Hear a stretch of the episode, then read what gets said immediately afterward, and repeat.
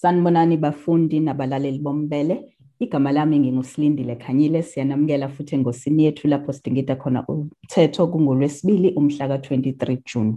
Sekusuke umsindo futhi kwaqhubula nezinsolo emva kokuvela kokuthi kunemali eyantshontshwa eplazini likaMengameli uCyril Ramaphosa kodwa kungazange kubikwe emaphoyiseni.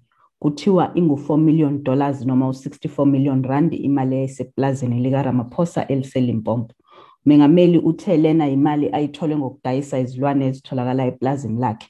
Nokho ezinye zezinto ezisolisayo ukuthi kungani umongameli egcine imali engaka iwukheshi futhi kungabe ulazisile yini ibhange lombuso ngalokhu. Ukubheka ukuthi ithini imithetho elawula ukugcinwa kwemali yakwamanye amazwe kanjalo nocash ukhona ungotwethu womthetho umnumzana uMpumelelo Zikalala wezikalala Attorneys. Mnumzana Zikalala siyakubingelela futhi siyakwamukela kumbele.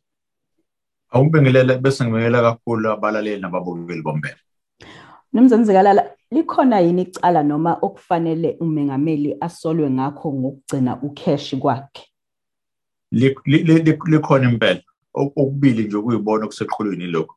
Kunomthetho ubizwa nge-Financial Intelligence Act, eh Financial Intelligence Center Act. La osuke uchaza khona ukuthi eziphi izinto noma imigodi afanele ilandelwe umuntu ogcina imali noma othola imali ngenxa yemsebenzi usuke wenza. La asibala abantu abahubayo nesitolo kunemali abafike bazodipozitha noma mhlawumbe bazokhokha la kuwena. Mase kudlulile kuyinani thizeni kufanele usho bese uthi cha engathi khona imali esiyifikile la kumina sengicela ukunazisa eh nina bomthetho ukuthi cha nayi imali ekhona. Uma kuwukuthi nisifisa ukuthi nihambe niyomu-investigator lowo muntu ningakwazi ukuthi nikwenze lokho. Asibuye sikhumbule njalo moya ebhenki ibhenki elifike lithi sicela usiphe i-ID yakho ne-proof of residence.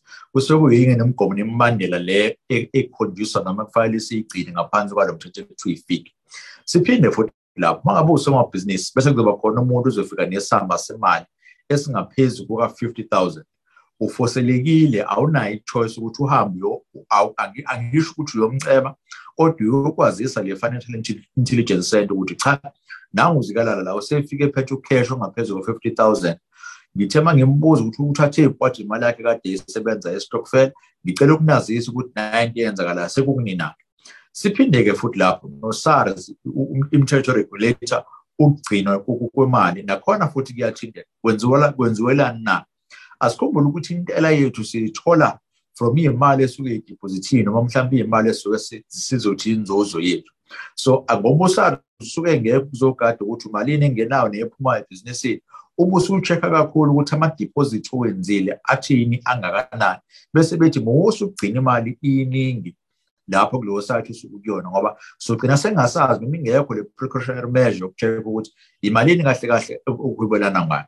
Okokugcina siphinde sibe ne-south african reserve bank yona esuke ithi siyakulimitha ukukhishwa kwemali the physical money ukuthi kungakanani ngoba suke sibaleka into ekuthiwa inflation so ukuze sazi ukuthi kumele siyigaye noma singayigayini.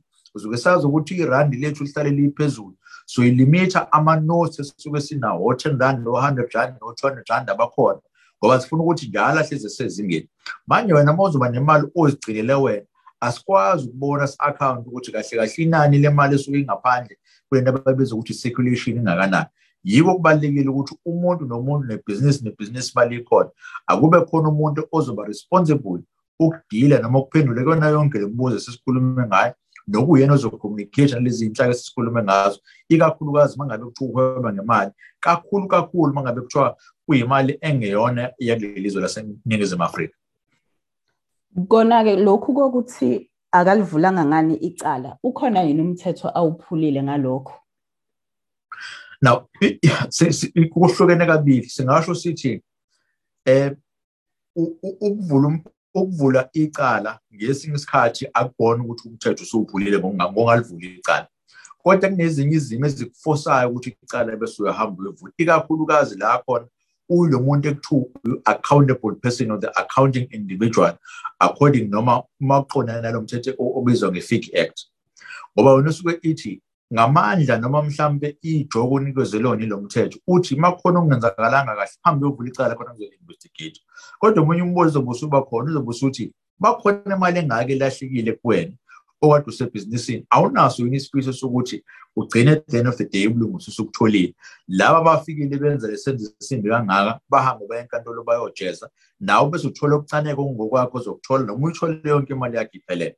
So strictly speaking unless upresident uyena orejistwe lapha kuleya nkampani as a person o accountable person noma kuyena umuntu responsible for ukureport akafika ukuthi kwenzakalani ngama-finances. Yebo uma kuyena unalo ijogo noma mhlawumbe responsibility ukuthi akayoreport icala. But if kungeyena yes akanalo kodwa it would be in the best interest of president ukuthi akahambe uyovula icala.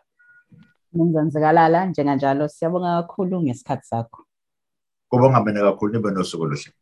Lowo bekungumnumzane umpumelelo Zikalala wezikalala attorneys siyabonga.